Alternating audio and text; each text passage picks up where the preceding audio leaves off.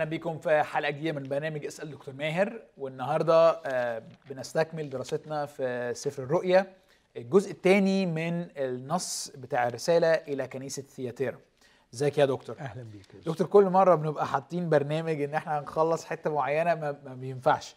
بس آه، عشان يعني أسئلتك الكتير. صح. بس النهارده يعني أنا أنا محوش سؤال من المرة اللي فاتت.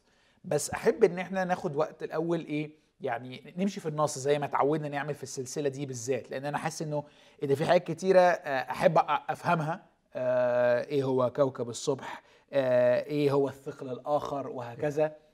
فمعلش خدنا واحدة واحدة أو يعني حضرتك highlight كده أو حط spot على الحتت ال- ال- الأساسية اللي في النص ونبتدي من هنا يعني خلينا نقول بالتركيبة الخماسية اللي اعتدناها كيف يقدم المسيح نفسه؟ ما هو الواقع؟ ما هو تعليق المسيح على الواقع؟ ثم الدعوة آه، هنا بقى بيختلف ما بيقدمش الدعوة للسمع الأول لكن الوعد لمن يغلب ثم الدعوة بالسمع. فدول الخمس عناصر لأي رسالة. الجزء الأول اللي كيف يقدم المسيح نفسه؟ هذا يقوله ابن الله. المسيح يقول عن نفسه أنه ابن الله. ودي المرة الوحيدة في سفر الرؤيا اللي هو قال عن نفسه ابن الله. بعدين يوصف نفسه بوصف بديع متاخد من آه، دانيال آه، عشرة. ابن الله الذي له عينان كلهيب نار ورجلاه مثل النحاس النقي. أعتقد يبقى حلو لو لو قرينا الوصف ده في في سفر دانيال اصحاح عشرة. آه، وأنا حابب أقول هنا إنه هذا هو المكان اللي, اللي, نقدر نقول عنه العالم الروحي. يعني يعني آه، اللي بينتقل إليه الأنبياء بالروح القدس. آه، يعني مش مش بشوف إنه الرؤى والإعلانات سواء اللي ربنا اداها لدانيال أو حسقيال أو ليوحنا في سفر الرؤيا إنه مجرد بيبعت لهم آراء أو صور.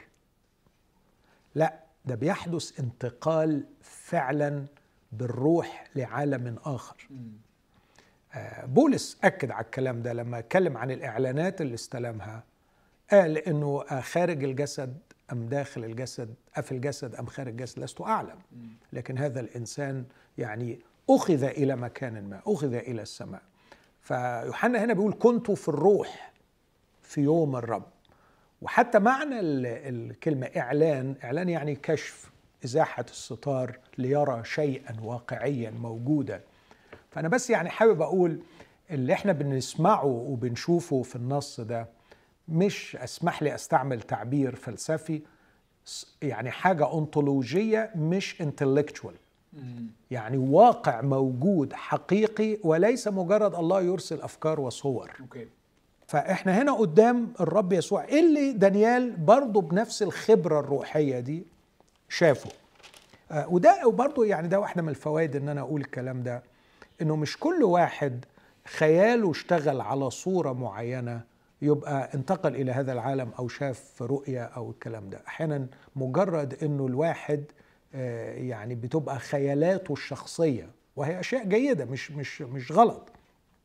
لكن غير انه ده واقع أنطولوجي واقع حقيقي انتقل إليه الشخص. ففي دانيال عشرة بيقول في عدد خمسة رفعت آه، ونظرت رفع عيني يعني. أيوه. فإذا برجل لابس كتانا وحقواه متنطقان بذهب أفاز وجسمه كالزبرجد ووجهه كمنظر البرق وعيناه كمصباحي نار وذراعاه ورجلاه كعين النحاس المصقول وصوت كلامه كصوت جمهور فرأيت أنا دانيال الرؤيا وحدي والرجال الذين كانوا معي لم يروا الرؤيا لكن وقع عليهم ارتعاد عظيم. واخد بالك؟ فهربوا فهربوا ليختبئوا. فبقيت أنا وحدي ورأيت هذه الرؤيا العظيمة ولم تبق في قوة ونضارتي تحولت في إلى فساد ولم أضبط قوة. وسمعت صوت كلامه. ولما سمعت صوت كلامه كنت مسبخا على وجهي ووجهي إلى الأرض. وإذا بيد لمستني وأقامتني مرتجفا على ركبتيه نفس الفكرة اللي شفناها في أصح واحد أنه لما رأيتوه سقطت عند رجليه كميت في دانيال كمان يوري لك أن الموقف ده أنطولوجي فعلا أنه حدث اختراق من العالم الروحي للعالم المادي. جسمه ما استحملش. هو جسمه ما استحملش والناس حسوا إن في حاجة بتحصل. يعني لا جات لهم أفكار ولا شافوا حاجة ولا سمعوا حاجة. زي بالظبط ساعة بولس برضه شاول الطرسوسي فدي اختراقات من العالم الروحي. إحنا يهمنا إن إحنا نؤكد إن إحنا بنؤمن كل الإيمان بوجود العالم الروحي. فإحنا ما إحناش ريدكشنستس الاختزاليين اللي اللي, اللي اختزلوا العالم إلى المادة وإلى الكون المنظور. لا في عالم غير منظور. والعالم الغير منظور مش فوق وتحت. العالم الغير منظور حوالينا وقد يخترق عالمنا الروحي. بس هنا كمان تشوف بعض المؤمنين اللي بيقول لك أنا نفسي أشوف الرب أنا نفسي يعني ما ما اطلب على قدك خلي بالك لأنه ممكن يحصل لك اللي حصل لدانيال ويوحنا إنه الظهور الحقيقي للرب يسوع في وضعه الحالي في العالم الروحي من الممكن أن يكون مرعبا ومخيفا. وهو في هذا المشهد البهي قال له أنا ابن الله. هذا يقوله ابن الله. الذي له عينان كلهيب نار ورجلاه مثل النحاس النقي. أشرت المرة اللي فاتت وأكد لما يقول أنا ابن الله بيتكلم عن كلي الحضور لما بيقول عيناه كلهيب نار بيتكلم عن كلي المعرفة لما بيتكلم عن رجلاه مثل النحاس النقي بيتكلم عن كلي القدرة والسلطان. فهو كلي الحضور الذي موجود في كل مكان والذي يرى كل شيء والذي سيسحق كل شيء. لا يتوافق معه. فالشر في النهاية لابد أن يسحق يا يوسف. الشر في النهاية لابد أن يسحق. فنحن نحتاج إلى إله. عيناه كلهيب نار. يرى الشر ونحتاج إلى إله. رجلاه كالنحاس يسحق الشر. وأنت عارف إن الشر آه، متطفل. الشر دخيل. الشر ملهوش ontological essence ملهوش جوهر انطولوجي الشر هو فساد الخير هو فساد الشيء الجميل. فحاشا لله أن يترك الجمال هكذا يفسد. هو يبصر الشر وفي يوم من الأيام سيجمع هذا الشر ويسحقه لكي يبقى كل شيء جميل وخير. أظن سياس لويس عنده تشبيه في الحتة دي إنه بيقول الشر عامل زي الصدى الصدى ما ينفعش يبقى فيه صدى من غير ما يبقى فيه حديد. بالظبط. آه يعني يعني الشر لوحده ما ينفعش يبقى كيان مستقل لكنه بيركب على حاجة صحيح. صحيحة وخيرة وجميلة ويفسدها. بالظبط okay. طيب معلش أنا سؤالي بقى اللي أنا محوشه المرة اللي فاتت يعني ليه علاقة بالحتة دي؟ يعني الشر حتما سيسحق. نعم. okay. حتى داخل الكنيسة. طبعا. يعني ده ده الرسالة اللي إحنا بنتكلم فيها النهارده. وأنا على قد ما أنا مخضوض من من الرسالة دي بالذات في صرامتها واللغة اللي بتستخدمها لوصف الرب يسوع هيسحق الشر إزاي؟ بس في أوقات كتير أقول يعني عارف زي أساف كده لا ما هو الدنيا ماشية ما هو المعلمين الكذبة موجودين ما هي الكنيسة مفسدة والمسيحيين بايظين يعني يعني فعندي حتة اللي هو خايف قوي بس في نفس الوقت طب ما فيش حاجة بتحصل. بص يا يوسف أنا أتذكر في مرة خدمت خدمة في قصر الدبارة بعنوان بطء الله. آه، ودرست أين ذكر في الكتاب المقدس أن الله بطيء. مش فاكر الرقم يعني يعني يمكن حاجة و30 مرة فوجئت فوجئت إنه الحاجة و30 مرة بتصف الله إنه بطيء في حاجة واحدة. في الغضب. في الغضب. في الغضب. فهي دي مشكلتك لأنه هو أساف بعديها بيقول إنه حقا اضمحلوا فنوا من الدواهي. دي جات لهم داهية. ونزلت عليهم الدواء وفنتهم. فهي مشكلتنا إحنا ان إحنا بنصدر هذا الحكم انه كل حاجة متسابة وربنا سايب. بنصدر حكم في اللحظة اللي إحنا فيها. بنصدر حكم على الخمس سنين الأخيرة.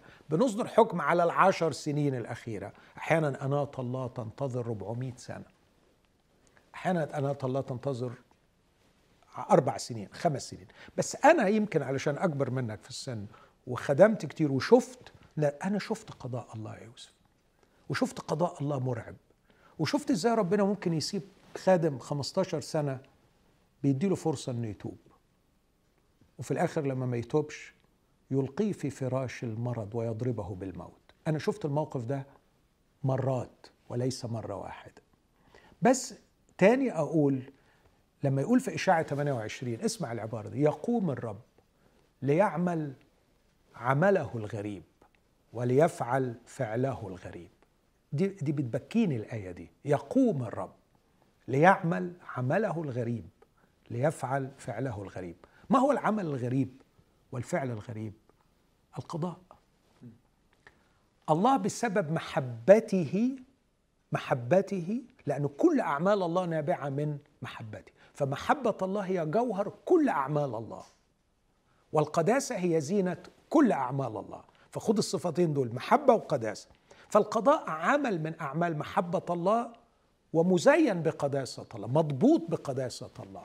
هذا العمل بالنسبة للرب لما بيقوم يقضي بيبقى بيعمله وهو مش حابب رغم إنه عمل محبة بس هو مش حابب لأنه في ألم وفي وجع وفي إعلان فشل هذا الشخص. فالقضاء موجود بس أنت بتحكم عليه في فترة زمنية محددة لكن موجود وجاي. فالرب هنا بيقدم نفسه في هذه الصفات الثلاث. وبعدين بيرصد الواقع بقى. فبيقول له أنا عارف أعمالك. آه وبعد أعمالك دي ممكن نقول كوما هيوصف إيه الأعمال دي؟ آه محبتك وخدمتك إيمانك وصبرك. فأنت تحب. ولاحظ الرب هنا اللي عيناك لهيب نار بيقول للكنيسة دي أنا أنا عارف أنتوا بتحبوني. وبتحبوا بعض. فأنا عارف محبتك. لاحظ هنا مش بيقول له تركت محبتك الأولى ده لا بيمدح المحبة دي والرب راضي عنها. وعشان كده اللي بيشيطن كنيسة ثياتيرا آه، يعني ده جهل. كنيسة ثياتيرا فيها حاجات بديعة فيها حاجات جميلة. لغة الصرامة بتاعت الرب على إيزابل اللي بتحاول تفسد الكنيسة هي اللي خلت الناس تتصور إن الرب يعني مشيطن كنيسة ثياتيرا لا بيقول له أنا عارف أعمالك محبتك على فكرة الكلام ده ما اتقالش عن يعني أفسس حتى. محبتك وخدمتك وإيمانك وصبرك. فأنت أحببت فخدمت وآمنت فصبرت. وأنا أقدر فيك هذه الأمور. مش بس كده بقى على العكس من أفسس. وأن أعمالك الأخيرة أكثر من الأولى. أفسس بيقول له ارجع اعمل الأعمال الأولى. يعني بتاع أفسس كان وصل بيه الانحدار إنه ما بيعملش الأعمال الأولى. فاكر؟ فالرب بينصحه بيقول له اعمل الأعمال. تب وارجع اعمل الأعمال الأولى وإلا آتيك عن قريب وأزحزح منارتك. لكن هنا بيقول له لا أنت بالعكس أعمالك الأخيرة أكثر من الأولى. هل أكثر في ال quantity ولا ال quality في في العدد ولا في الكيفية؟ ما أعرفش. لكن من الممكن الاثنين لكن على الأقل إن الرب في شيء بيمدحه هنا وبيقول له إن وضعك الحالي أفضل من الأول. ولكن عندي عليك عندي عليك أن محبتك التي خدمت وإيمانك الذي صبر تم التطرف فيهم كعادة الإنسان بإفساد أجمل الفضائل فسيبت فسيبت. عندي عليك أنك تسيب. لاحظ هو ليه بيسيب؟ لأن هو شخص من محب. الأصل محب وخادم وصابر مؤمن وصابر وبيصبر على الناس وبيحب الناس وعايز الناس كلها تج... بس خد بالك في نقطة هنا لو عديناها بنتكسر في نقطة لو عديناها بندخل في حتت ضلمة. فأنت مشكلتك ودي مشكلتنا كلنا كخدام أننا نميل للتطرف. فبينما نسير في طريق ضيق نتجنب السقوط في حفرة على اليمين نجد أنفسنا سقطنا في حفرة على اليسار. مش عايز أبقى مدين وطارد وكاره بس عايز أبقى محب وقابل ومرحب بس تقلب معايا آه، تسيب. تسيب. ده اللي حصل. وهو استعمل كلمة تسيب. عندي عليك ومفيش قليل زي ما قلنا. م. بتوع النقد النصي بيقولوا إن دي جاية من فوق لما قال برغامس عندي عليك قليل فراح لكن هي مش قليل. أنك تسيب المرأة إيزابل التي تقول إنها نبي. والمرة اللي فاتت وقفنا كتير عند إيزابل مش هنوقف تاني. وضحنا إيه شرور إيزابل بس لأقل حد ما يكونش حضر معانا الحلقة اللي فاتت ننصحه إنه يحضرها. إيزابل معروف إنها ملكة شريرة تزوجت بأخاب عملت جريمة كبيرة في تاريخ شعب إسرائيل. مش إنها دخلت عبادة البعل لكن إنها قالت لهم اعبدوا الرب يهوى واعبدوا البعل. آه، خليكم توليرنت لعبادة البعل خليكم مفتوحين لعبادة البعل. فربطت الاثنين ببعض. آه، وواضح إن كان في امرأة حرفيا امرأة موجودة في مدينة ثياتيرا وهذه المرأة تقول إنها نبية تدعي موهبة معينة هي كذابة. وتعلم وتعطي نفسها حق أن تعلم في الكنيسة وهو حق مختلس ليس من حقها ثم تغوي عبيدي. والرب هنا بيتكلم عن لاحظ عبيدي. وكلمة عبيدي ممكن تترجمها خدامي. فالرب بيشهد إن الناس اللي تم إغوائهم دول هم خدام. وعبيد الرب.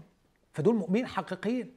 وده بقى يرفع على محمر مرعب هل من الممكن أن عبيد الرب الحقيقيين يتم اغوائهم من ايزابل الإجابة؟ نعم لأن الرب يسوع بيقول كده. آه، بتغوي عبيدي أن يزنوا ويأكلوا ما ذبح للأوثان. الشر اللي, اللي الست دي وقعت فيه آه، عبيد الرب شر مزدوج شر تعليمي وشر أخلاقي. الشر التعليمي أنها خلطت ما بين عبادة الله الحي الحقيقي والعبادة الوثنية. وده شيء مرعب جدا إنها خلت المؤمنين اللي بيعبدوا الرب ما فيش مشكلة كمان إن هم يندمجوا مع الوثن ويعبدوا الشياطين لأنه ده مائدة شياطين اللي هم راحوا اشتركوا فيها. دي يأكلوا ما ذبح للأوثان ويزنوا. فده عبادة شيطانية. والعبادة الشيطانية على فكرة سذاجة إن إحنا نتصور إنها خلصت. العبادة الشيطانية موجودة وموجودة بقوة بس بتاخد أشكال مختلفة. كل الأمور اللي إبليس بيعملها من بدء التاريخ موجودة النهارده بس بتتعمل بأشكال عصرية. فعملت كارثة في الكنيسة إنها ربطت المسيحية بالعبادة الوثنية والحاجة الثانية إنها خلت المؤمنين فعلا حرفيا يزنوا زنا حرف فالكلمات المستعملة مش بس نروحنها ونقول إنها على وزن روحي يعني. زنا روحي زي ما إسرائيل زنى عن إلهه. وعلى فكرة إسرائيل لما زنى عن إلهه كان بيزني. أيوه. يعني في عبادة العجل في أول مرة هم زنوا. في حادثة بنات مؤاب اللي ما شفنا تعليم النقالويين اللي فوق وتعليم بلعام زنوا. ف ف فهي عملت كده. فبيقول له عندي عليك إنك تسيب المرأة إيزابل اللي بتعمل الحاجات دي. بتقول إنها نبية بتعلم وبتغوي. عبيدة عشان يعملوا الشرين دول. كلمة تسيب مهم نقف قدامها يوسف. مهمة قوي. آه، أنا أعتقد أنه ملاك الكنيسة هنا أو زي ما اتفقنا ملاك الثقافة. السائدة والروح السائدة. أكيد قروا رسالة يوحنا الرسول الثالثة. ورسالة يوحنا الثالثة آه، يوحنا كان عنيف جدا على واحد شرير اسمه ديوتريفوس. وده قائد كبير في الكنيسة. بس ده كان الأول. وكان كان يريد أن يكون الأول ويطرد المؤمنين من الكنيسة يطردهم. فيبدو إنه آه، يعني الكنيسة بقت عندها خوف شديد من هؤلاء الأشخاص الديوتريفيسيون الذين يتسلطون وربما بدافع آه، أي دوافع بقى آه، مش أي دوافع هو دافع التسلط والرغبة أن يكون الأول. ممكن بقى يبرر ده بنقاوه التعليم ونقاوة السلوك. وأي حد هي هيقرب ههرسه لأنه أهم حاجة نقاوة التعليم. هو الحقيقة ما يكونش بيدور على نقاوة التعليم هو بيدور على روحه. بس الأشخاص اللي, اللي هو بيتهمهم بعدم نقاوة التعليم ممكن يكونوا بينافسوه ممكن يكونوا آه، بيغير منهم ممكن يكون لهم وضع أفضل في الكنيسة فيطيرهم. فديوتريفوس الكتاب كان واضح جدا هو طير الناس دي ليه؟ لأنه يريد أن يكون الأول. بس الراجل بتاع ثياتيرا أو المؤمنين في ثياتيرا خافوا من إنهم يقعوا في شر ديوتريفس فسيبوا. الغريب جدا إن كلمة تسيب جاية من الفعل aphiemi اللي هو الغفران. وكأنه يعني سامح وخلي قلبك واسع وسيب سيب أطلق. آه يعني لكن الرب هنا بيقول له عندي عليك إنك تسيب المرأة إذا. بس الجميل إنه الرب هنا مقدر هذا الرجل ولم يهدده بعقاب لكن بيقول له أنت عشان تكون أمين على المؤمنين دول لازم تحذرهم وتفهمهم إن آخر التعاليم ايزابل دمار أنا هعمله في الناس دي. فأنت لو بتحب استأصل هذه الثقافة من الكنيسة أرفض هذه الثقافة لأنها ستؤدي إلى أذية كبيرة لحياة أولاد الله. فبيقول له الآتي بقى هذه المرأة إيزابل التي تعلم وتغوي عبيدي أن يزنوا أعطيتها عدد واحد وعشرين. أعطيتها زمانا لكي تتوب عن زناها ولم تتب. أعطيتها زمانا لكي تتوب. واضح جدا أن الرب كان بيرجو منها خير. وهنا نرجع تاني لبطء الله. أعطيتها زمانا لكي تتوب عن واخد بالك يوسف المعنى هنا؟ يعني في الزمن ده كانت بتعمل إيه؟ بتزني. والرب إيه؟ ساكت. دي المرحلة اللي أنت رصدت فيها. أيوه. بس افتكر إن ده زمان. أعطيتها زمانا مين اللي بيحدد الزمان ده بقى؟ الرب. مدته قد إيه؟ هو اللي هو اللي يحدد. لكن للأسف الشديد طوال هذا الزمان كانت بتزني. بتزني. وهو شايف؟ شايف. طب ما تتدخل. يقول لي هتدخل. مين قال لك مش هتدخل؟ بس تدخل بسرعة. أعتقد إنه اللي يحدد بسرعة ولا مش بسرعة مش إحنا. ويعني وحته كده بين قوسين يتهيألي لو اتدخل بسرعة كان قضى علينا كلنا. صح. يعني هي من رحمته إن هو ما بيتدخلش بسرعة لأنه بيدينا فرصة إن إحنا نتوب. اعطيتها زمانا لكي تتوب. إحنا عايزينه يبطئ لما إحنا نبقى غلطانين ويسرع لما حد تاني برافو عليك. أديك جبتها لوحدك. لا أنا صاحي معاك. آه. طيب هتعمل إيه بقى لما ما تبتش؟ ها أنا ألقيها. بص التعبيرات هنا رهيبة. الزنا مرتبط بالفراش. فراش التنعم فراش المتعة. سألقيك في فراش لكن في فراش ضيقة عظيمة. ألقيها في فراش الألم والمعاناة. ويصبح الفراش الذي تنعمت فيه جمر نار يحرقها ويجلب لها العار والفضيحة والألم. وأنا نفسي نفسي من كل قلبي أتوجه بصرخة لكل من يشاهد ويسمع وأقول له أرجوك ليكن المضجع مقدس. ليكن المضجع مقدس. الكتاب قال كده ليكن الزواج مكرما عند كل واحد والمضجع غير نجس. طهر مضجعك واحتفظ به طاهرا. فلا جنس خارج الزواج. وإذا تنعمت في مضجع خارج الزواج سينقلب هذا المضجع جمر نار يقضي عليك وتلاحقك الفضيحة ويلاحقك العار ويلاحقك الألم بقية عمرك. الرجاء الوحيد اللي الرب هنا بيقوله بص بص بص النعمة. ها أنا ألقيها في فراش والذين يزنون معها في ضيقة عظيمة. أوعى حد يغلط ويفهم إن دي الضيقة العظيمة بالألف واللام اللي, اللي بيتكلم عنها البعض. في في الإسكاتولوجي في الأخرويات. لا دي ضيقة عظيمة ضيقة عظيمة خاصة بها هي في الزمن. واستعمل تعبير مرعب ضيقة عظيمة. ولما ربنا يقول أنا هضيق ضيقة عظيمة تبقى ضيقة عظيمة. بس شوف الرجاء إن كانوا لا يتوبون عن أعمالهم. يعني ستيل هناك فرصة. فرصة للنجاة من الضيقة العظيمة. إذا حدثت التوبة. فزي ما أنا صرخت وبقول لأي واحد هينجس مضجعه. جايالك ضيقة عظيمة. برضه بصرخ بكل قلبي أقول له إلحق وتوب لأنه في فرصة للنجاة. إنك تفلت من الضيقة العظيمة إذا تبت. لكن كمان بيقول لها بقى في فرق بين الذين زانوا معها واتخدعوا واتضحك عليهم ومشيوا معاه وبين أولادها. أولادها هنا أميل أنه أولادها المقصود بهم اللي تبنوا تعليمها وأن أعلنوا انتمائهم لها الرب بيقول أقتلهم بالموت. هقضي عليهم. من تبنى هذا التعليم واستمر فيه ولم يتب سأقتله بالموت. فستعرف جميع الكنائس أني أنا هو الفاحص الكلى والقلوب وسأعطي كل واحد منكم بحسب أعماله. أتذكر في أكثر من حلقة كررت أنه يخسر كثيرا من لا يقرأ تاريخ الكنيسة. لكي نعرف ماذا حدث في بقية الكنائس. ينبغي أن جميع الكنائس تعرف ما حدث في كنيسة ثياتيرا علشان نبقى فاهمين ربنا بيتعامل إزاي. ماذا يفعل الماشي وسط المناير السبعة في كنيسته على الأرض في زمن وجودها؟ قبل مجيء المسيح الثاني. يفعل الكثير. ومن ضمن الكثير الذي يفعله يفعل أفعال قضاء مروعة. أفعال قضاء مخيفه يا ريت ندرس تاريخ الكنيسة والناس اللي فرحانين بالنجاح النهارده وعندهم أعداد كبيرة بتحضر. يا ريت مثلا يا ريت يدرسوا تاريخ آه، النهضات عظيمة حدثت في أوروبا مثلا. آه، يعني يا ريت يدرسوا تاريخ الكنائس اللي انتشرت في فترات بسيطة بالآلاف والنهاردة out of business وقفلت وطلعت وبتتباع كنايسهم متاحف.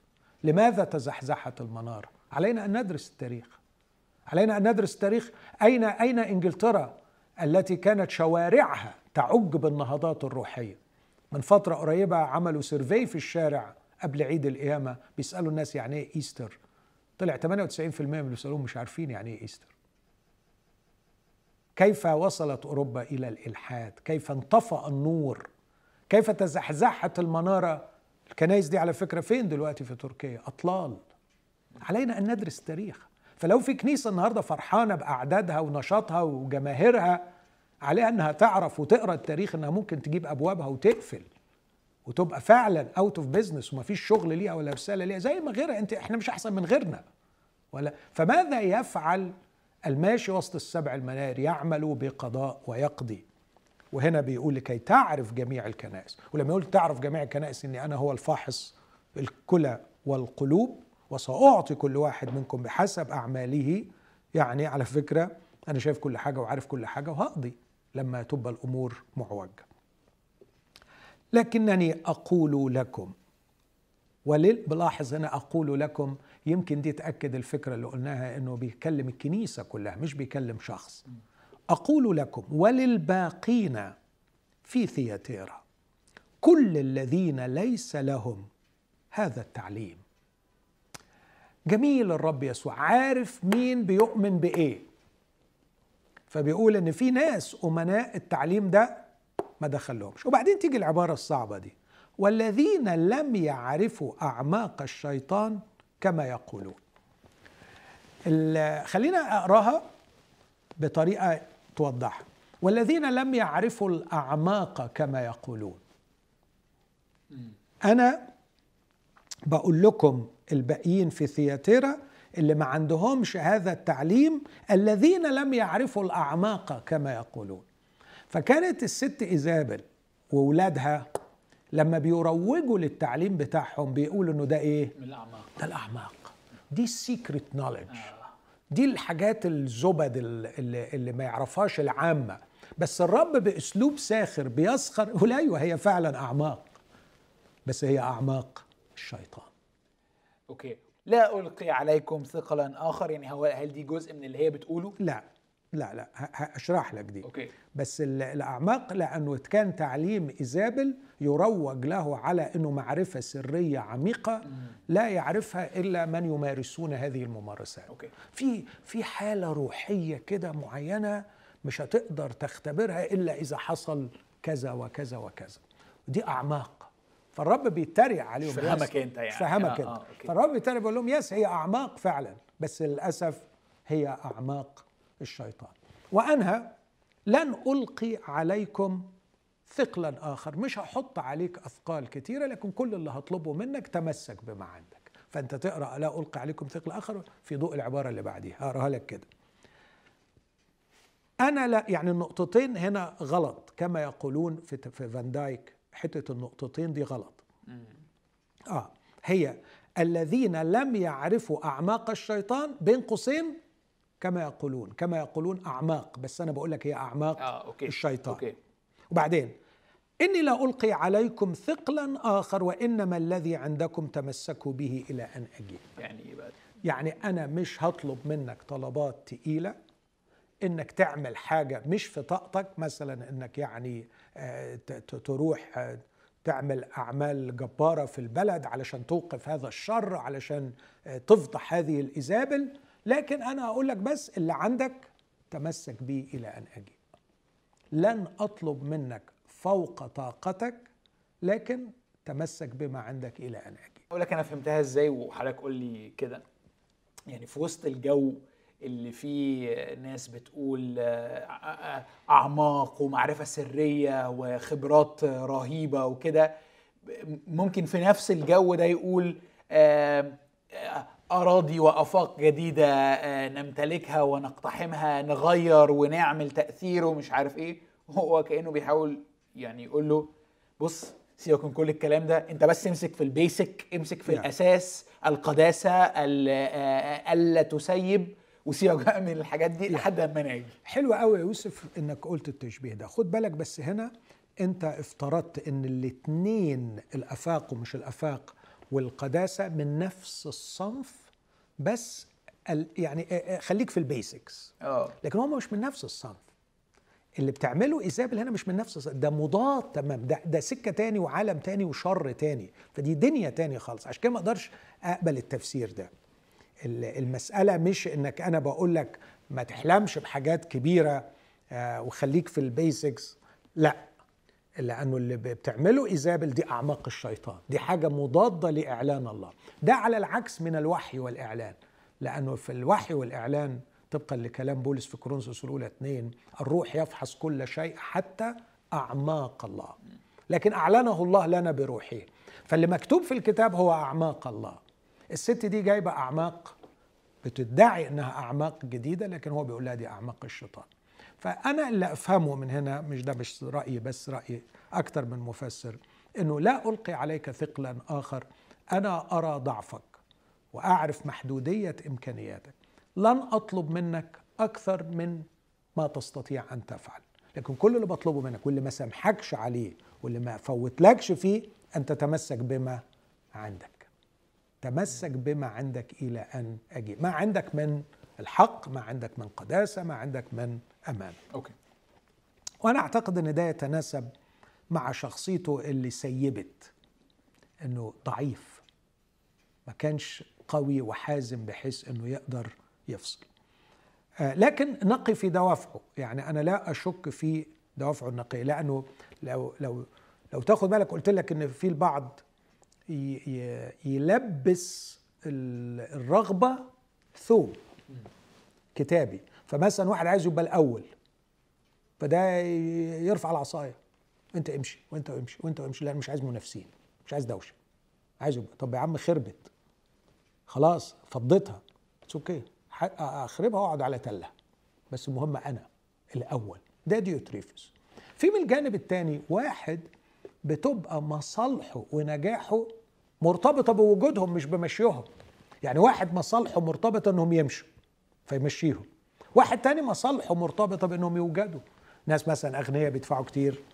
ناس مثلا موهوبين عندهم مواهب فذة تؤدي إلى نجاحي كخادم فنقعدهم. أيوه بس عاملين شر. وعايشين في نجاسة. بس طردهم هيعمل مشكلة فنسيبهم. فهنا الخطر إن من الممكن إنه يكون في دوافع غلط. الراجل ده ما عندوش دوافع غلط وإلا ما كانش الرب يمدحه. لا حاشا.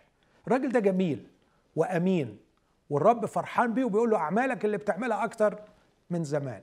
لكن شخصيتك ضعيفة ما عرفتش تبقى صاحب نظرة ثاقبة تميز وتحسم وتحكم وتقطع. فسيبت المرأة إيزابل اللي مدمرة عبيد. تحسه misguided مضلل شوية. يعني يعني مش عارف شخصيته ضعيفة ولا لأ بس على قد ما هو أمين على قد ما هو آه، يفقد ال الحسم يا آه، يوسف. آه. الحسم okay okay. لا كلمة تسيب دي على طول أفهمها إنه ما عندوش القدرة على الحسم ولا يعني برضو أنا بحاول أفكر بصوت عالي. يعني هو دوافعه كويسة بس عدم حسمه جاي من عدم فهمه الصحيح للأمور. فهم ساذج فهم أحادي الجو... يعني الجانب. ممكن ممكن. عنده عنده weakness عنده ضعف معين. بس الرب في رقته وجماله يقول له لا ألقي. فشوف اللي بيقول هقتل. وألقي في ضيقة عظيمة هو اللي بيقول لا ألقي عليك ثقلا okay، okay. آخر شوف الجمال بتاع يسوع. عشان كده بقول دايما خد يسوع في كل الأوجه. يعني آه يعني عارف sorry يعني برجع له يعني بس عارف أنا عمال أفكر إيه. آه جميلة ايزابل يعني ماشي يعني فيها بس بتساعد ناس كتير مثلا فيقوم سايبها. يعني بنفس. بنفس المفهوم ده. ممكن بس ممكن كمان بطريقة تاني. يعني يقول لك إيه؟ لا هي اللي بتعمله غلط. هي اللي بتعمله غلط. بس إن شاء الله هت- هتفوق وهترجع و آه. يا عمي بس ده غلط مرعب. okay. ده بتدمر الدنيا. أنت خد بالك أنت هتعطي حساب عن الناس دي اللي راحت زنت معاها. أوكي. الناس دي هتقع في أيام سودة وهيبقى دمهم في رقبتك. الرقيب المفروض يقول للي ماشي غلط حاسب فهو يعني هفترض حتى أكتر من كده إنه لا هو شايف شر إيزابل وعارف إن ده غلط بس مش عارف يحسب وأسوأ شيء أن يكون القادة في الكنيسة غير قادرين على الحسم. أنا شفت بلاوي بسبب هذه الأمور. عشان لو حسموا الناس هتقول عليهم ديكتاتوري هو ممكن على فكرة يعني دي المشكلة؟ هي فعلا ال- ال- ممكن. تبقى صح دي صعبة قوي. وأنا أعتقد إنه من الممكن يتقال عنك دكتاتور أو يتقال عنك أي شيء سلبي من أي حد لكن السؤال هل بقيه جوانب هذا الشخص اللي حسم بتقول إنه دكتاتور؟ ألم يستمع لرأي الآخرين في موقف ومواقف؟ ألم يتواضع ويرجع عن رأيه عندما يدرك أنه أخطأ؟ حرام عليك إنه من موقف إنه حسم تقول عليه دكتاتور. فلا بد من النظرة الشاملة. الذي عندكم تمسكوا به إلى أن يجيء. وبعدين هنا بقى ينتقل خلصنا كده ثلاثة النقطة الرابعة الوعد. من يغلب؟ ويحفظ أعمالي إلى النهاية. فسأعطيه سلطانا على الأمم فيرعاهم بقضيب من حديد كما تكسر آنية من خزف كما أخذت أنا أيضا من عند أبي. الجزء ده العدد ده 26 و 27 مليان. ممكن أقول أقول حاجة يعني عارف الانيشال الرد فعل ال- الأولي اللي بيجي لي واللي ساعات بيوترني من سفر الرؤيا إن أنا مش عارف أربط خالص ده الوعد ده باللي كنا بنتكلم عليه يعني إيش دخل سلطان على الأمم في كل اللي لسه بنتكلم فيه دلوقتي. حلو قوي. طب كويس خلينا أجاوبك على السؤال ده. إحنا هنا يا يوسف بنتهيأ للأبدية بنتهيأ للملكوت الأبدي. وعلشان نتهيأ للملكوت الأبدي وظيفة أساسية من أولاد من وظائف أولاد الله ملوك وكهنة. أن تكون ملكا. فنحن سنملك مع المسيح. طبعا ممكن دلوقتي أرص 20 آية إن إحنا سنملك مع المسيح مش كده؟ وسنملك معه وسنملك معه وسنملك معه لكي تملك ينبغي أولا أن يكون لك سلطان على نفسك. لكي يكون لك سلطان على الأمم تحتاج أن تكون صاحب سلطان على نفسك. ولكي ما تكون حاكم على الأمم ينبغي أن تتعلم الحسم والإدارة الجيدة. فالوعد هنا للغالب يتناقض مع خطأ ملاك الكنيسة الذي سيب ويهدم تماما الشر الذي حدث من إيزابل. يعني أنت عندك مشكلتين كبار. عندك إيزابل اللي بتنادي بالإباحية الجنسية والتسيب وعندك الملاك الكنيسة اللي, اللي اثر وعمل إيه؟ وسيبها. اللي هيغلبوا في المنطقتين دول. فلا يغلط غلطة اللي زنوا مع إيزابل ومشوا وراها لكن كان لهم سلطان على إرادتهم. وقمعوا أجسادهم وعاشوا بالطهارة. واللي كان ليهم أيضا ما وقعوش في الغلط بتاع الراجل ده فلم ي... لم يسيبوا. هؤلاء الأشخاص هم من يصلحون للحكم من يصلحون للمملكة.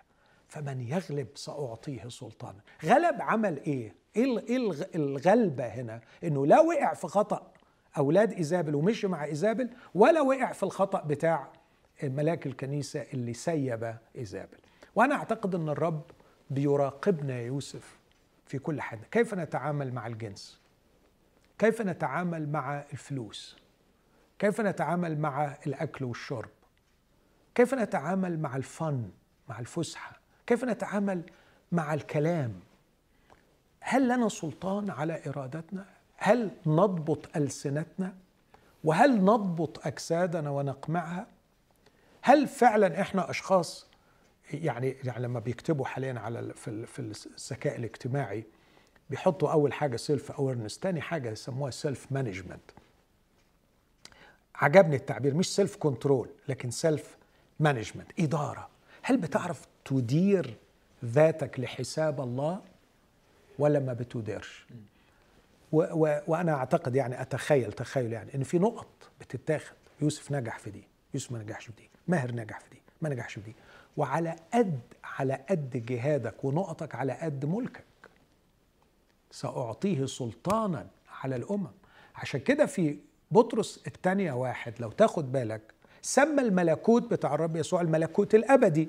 بس قال إذا جاهدت وجاهدت وعملت وعملت يقدم لكم بسعة دخول إلى ملكوت ربنا يسوع الأبدي. فلما يقول يقدم لك بسعة يبقى في واحد لم يقدم له بسعة يعني الدخول في الملكوت ليكن لك سلطان على عشر مدن ليكن لك سلطان على خمس مدن التفاوت في حجم الخدمة المستقبلية يتناسب ويعتمد على يتناسب مع ويعتمد على حجم النجاح في إدارة الواقع الحالي. دكتور أسألك سؤال ممكن يبقى فج شوية بس يعني فكرت فيه ممكن حد يسأله الكلام اللي حضرتك بتقوله. ممكن حد يقول أنا ولا عايز سلطان على الأمم ولا عشر مدن ولا إن شاء الله يعني مركز صغير. أنا عايز أعدي وخلاص أنا عايز الستر. فحضرتك بت بتتكلم على حجم مسؤولية معينة يتسق مع آه، كمية الأمانة والنجاح الشخصي في هذه الحياة وبالنسبة لناس كتير قوي ده بعيد خالص عن التحديات اللي هم فيها ده بيعتمد برضو على دايما الكلمة دي بقولها كيف بدأ مع المسيح م. هو ما مفهومه للخلاص م. لو بيؤمن أن العالم الآخر حقيقة واقعة مش مجرد نظرية بنغني عنها وبنتكلم عنها فالمفروض ياخده بجدية أكتر من كده شوية. يعني لو أنت بتؤمن فعلا أن العالم الآخر ده حاجة حقيقية هنكون فيها إلى أبد الآبدين فالمفروض إنك تاخده بجدية تعرف هو فيه إيه وهنعمل إيه هل هنبقى هناك تنابله السلطان قاعدين متستتين ولا لينا وضع ولينا جمال ولينا قوة ولينا خدمة. فخد. خد العالم الآخر بجدية شوية. الأمر الثاني افهم الخلاص بشكل صحيح زيادة شوية. الخلاص هو خلاص نفسك. فاللي أنا بقوله لك على فكرة ده ده هو خلاص نفسك. لما تقول أنا مش عايز حاجة أنا عايز الستر يعني معناها ترهل هنا. اسما وتختخ واقعد وتنبل. وانت مش عايز الستر؟ عايز إن أدخل بس كده وأترمي في السماء وخلاص. فأقعد هنا بقى مترهل. فدي حياة كئيبة. فأنت لو فاهم الخلاص انه خلاص النفس انت مش تقبل على نفسك غير انك تجتهد وتعمل self management صحيح وتدير نفسك بشكل صحيح. من يغلب ويحفظ أعمالي إلى النهاية وحلو قوي إنه مش بس يغلب ويستمر غالبا. ياما ناس غلبت وما استمرتش. ويحفظ أعمالي وحلوة مأثرة فيا قوي أعمالي. أعمالي وهنا أعماله إنه لا يتنجس مع إيزابل ولا يتسيب بس الرب يقول له دي أعمالي. أنا مبسوط منك حبيبي. أنت تعمل عملي باجتهاد. ملعون من يعمل عمل الرب برخاوة من من يغلب ويحفظ أعمالي. يعني أشتاق من كل قلبي إن ربنا يديني النعمة دي إني أستمر أعمل أعماله إلى النهاية. يا ناس عملت وجت في, في الآخر وخابت خيبة تقيلة وفشلت. لكن ربي يقول خلي بالك الموضوع مرهق. ممكن تيجي في النص وتنخ وتقع. خلي بالك من يغلب ويحفظ أعمالي إلى النهاية. فسأعطيه سلطانا على الأمم فيرعاهم بقضيب من حديد. كما تكسر آنية من خزف. كما أخذت أنا أيضا من عند أبي. أنا عندي مفهوم خاص شوية في الآية دي. ما بجزمش إن هو الصحيح لكن أقوله لك وناقشني فيه. لما بيتكلم يرعاهم الرعاية معنى جميل. مش كده؟ فالرعاية حماية. الرعاية إطعام. الرعاية آه، دفاع عنهم. فكيف أرعاهم بقضيب من حديد ومثل إناء خزف يكسر؟ إزاي يعني؟ صح. فأنا بشوف أنه يرعاهم بقضيب من حديد. قريت عن القضيب من حديد مش المقصود أن عصاية حديد. لكن الراعي وهو بيرعى ماشي ورا الغنم بتاعه كان يحط في قعر العصاية بتاعته حتة حديد تقيلة منها إنها بتساعده في في مشيه وهو بيدب كده في الأرض بيها لكن كمان لما يجي ذئب يطلع على الغنم معاه عصاية فيها حتة حديد فيعمل إيه؟ يضرب الذئب يكسره فيحميهم من هجوم الذئب. فأنا بشوف هنا إنه بيرعاهم بقديم الحديد مش بيضربهم هم. بيدافع عنهم. بيدافع عنهم. فيرعاهم. ومعه سلاحه الذي به يحميهم فمعه قضيب من حديد. وعندما يأتي العدو يكسر كآنية من خزف. تخيل الخزف تحت آه. تحت الحديد. فمش الأمم اللي هيرعوا هم اللي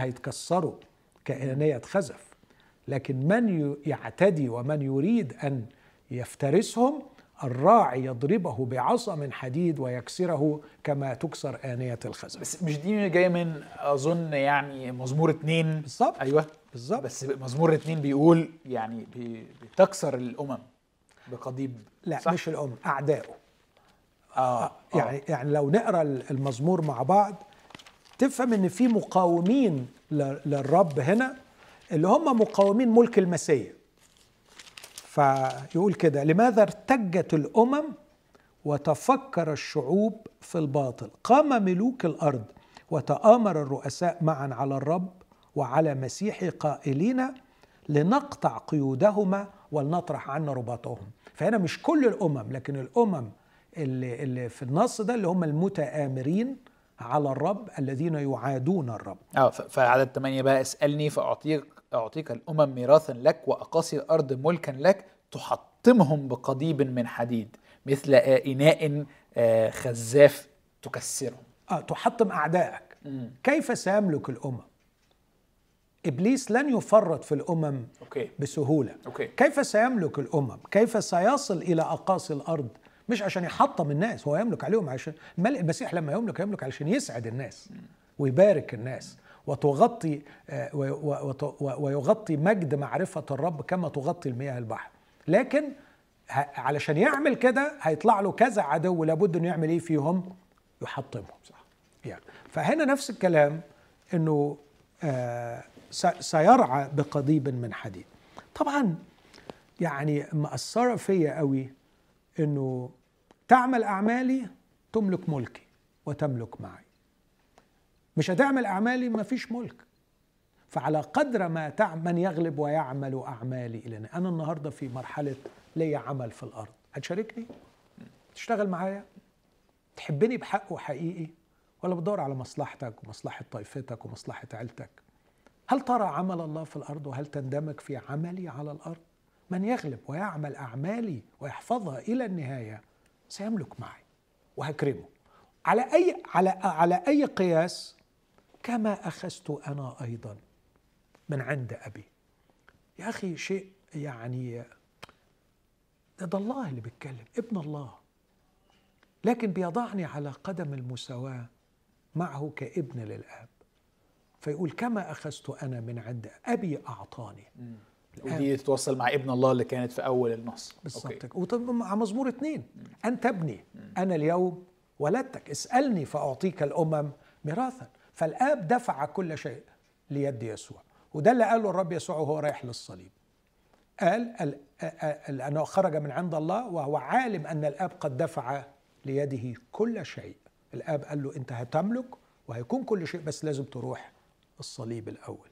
فأخذ من عند الآب ولذلك تمم أعمال الآب. وأعطيه كوكب الصبح. كوكب الصبح هنا تعبير يفهمه اليهودي كويس قوي. أول وبرضه مرتبط بثياتيرا.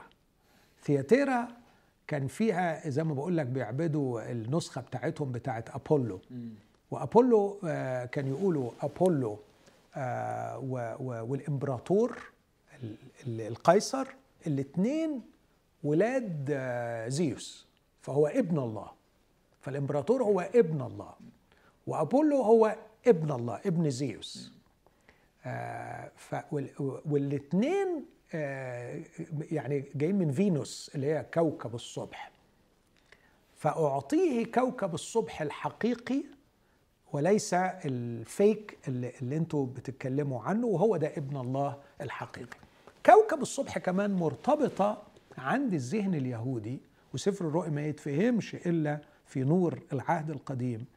أول مرة سمعنا عن كوكب الصبح كان على فم بلعام. بلعام النبي العراف قال يبرز كوكب من يعقوب ويخرج قضيب من إسرائيل. سفر العدد صح 24 فالكوكب والقضيب الاثنين مرتبطين ببعض قضيب السلطان. فالكوكب معناه الحكم معناه السلطان. فأعطيه كوكب الصبح أي أنه سيشترك معي تأكيد للفكرة اللي قبلها سيشترك معي في ملكي. أشوف أنه فيها استمتاع خاص بالمسيح الملك. لأنه مين كوكب الصبح؟ طبقا لرؤية 22 هو قال عن أنا كوكب الصبح يسوع قال كده أنا كوكب الصبح. أنا اللي تنبأ عني بلعام أنا الكوكب الذي سيحكم. أنا كوكب الصبح. فأنا مش بس يعني هعمل معاه وبعدين أملك معاه لكن أملكه هو. أملكه روحيا. فيصبح عندي وعي خاص وإدراك خاص بيه هو. عارف الحتة اللي ما خلصناهاش في برغاموس لما يقول أعطيها حصاة بيضاء عليها اسم جديد لا يعرفه إلا الذي يأخذ. المقصود بها يوسف إنه هناك تحولات روحية في كيان الشخص تحدث لا يستطيع أن يدركها إلا الذي اختبرها. عارف الفينومينا؟ يعني يمكن اللي دارس فلسفة فينومينولوجي شوية يقدر يفهم الكلام ده. يعني what is يعني like to be إيه بالظبط الحاجة دي؟ يعني يعني مثلا لو قلت لك ما هي حالة الوعي كقطة؟ هل تقدر تتخيل نفسك قطة؟ تقدر تتخيل نفسك بتقدر ت... مش ممكن مستحيل. لأنه في حاجات معينة في الداخل لا يمكن تنتقل إلى شخص آخر. الاصطدام بصراعات الحياة والعلاقة مع الله. يكون في داخلنا ظواهر تصنعنا وتكوننا بحيث إنه يبقى في شيء من الاختبار بينك وبين المسيح محدش يقدر يعرفه. الرب يسوع هنا بيقول إنك ستمتلكني كالملك وستقترب مني ككوكب الصبح بشكل متميز. ثم ينهي بالدعوة من له أذن فليسمع. ما يقوله الروح للكنائس. ليه غير؟ كان دايما يعني لغاية آخر آه برغاموس كان يقول الوعد الأول مش قادر أعرف بالظبط لسه محتاج أدرس فيها أكتر. لكن مبدئيا يعني آه لما أجل الوعد لأنه عايز يعني كأنه هناك حالة من الضعف أكثر فيريد أن يعني يشحذ الهمم أكثر فبعد ما بيقول الوعد بيشجع على الاستماع للدعوة. فأنا بقول الوعد خد بالك الوعد قد إيه عظيم أو قد إيه خطير في تحذير فاسمع من له أذن فليسمع ما يقوله الروح للكنائس. أشكرك يا دكتور على على الشرح النص ده. بصراحة ما كنتش أتوقع إن كل الحاجات الحلوة دي هتطلع من النص المخيف ده. بس خليني يعني إحنا في آخر 30 40 ثانية. إيه أكتر حاجة أنت بقى فارقة معاك في في النص ده بتأثر فيك انجذبت لشخص الرب يسوع أكتر حبيته أكتر تعلمت أكتر فرحان بيه أكتر. هطلع من الحلقة دي نفسي أتكلم معاه أكتر ونفسي آه، يعني أقول له علمني أنت مين أكتر. فارق معايا قوي الثقة اللي بيتكلم بيها وبيقدم بيها نفسه. ابن الله هو عارف هو مين عارف الهوية بتاعته.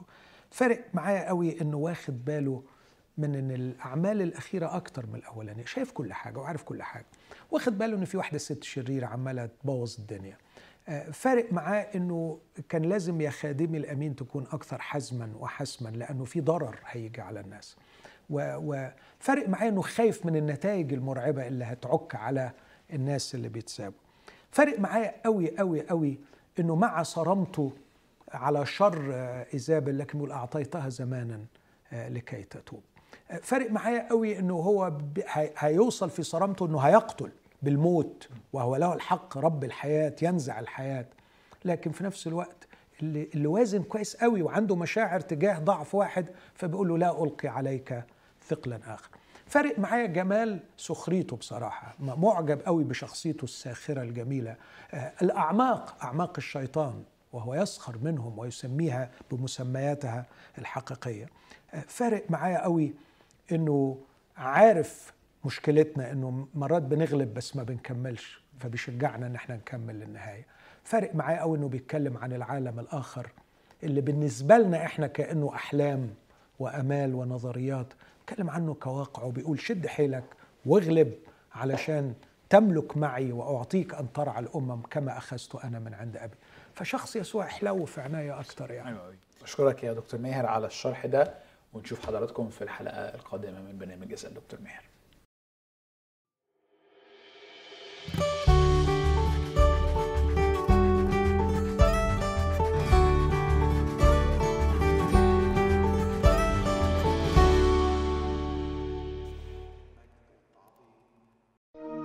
لمشاهدة المزيد من الحلقات زوروا سات 7 بلاس.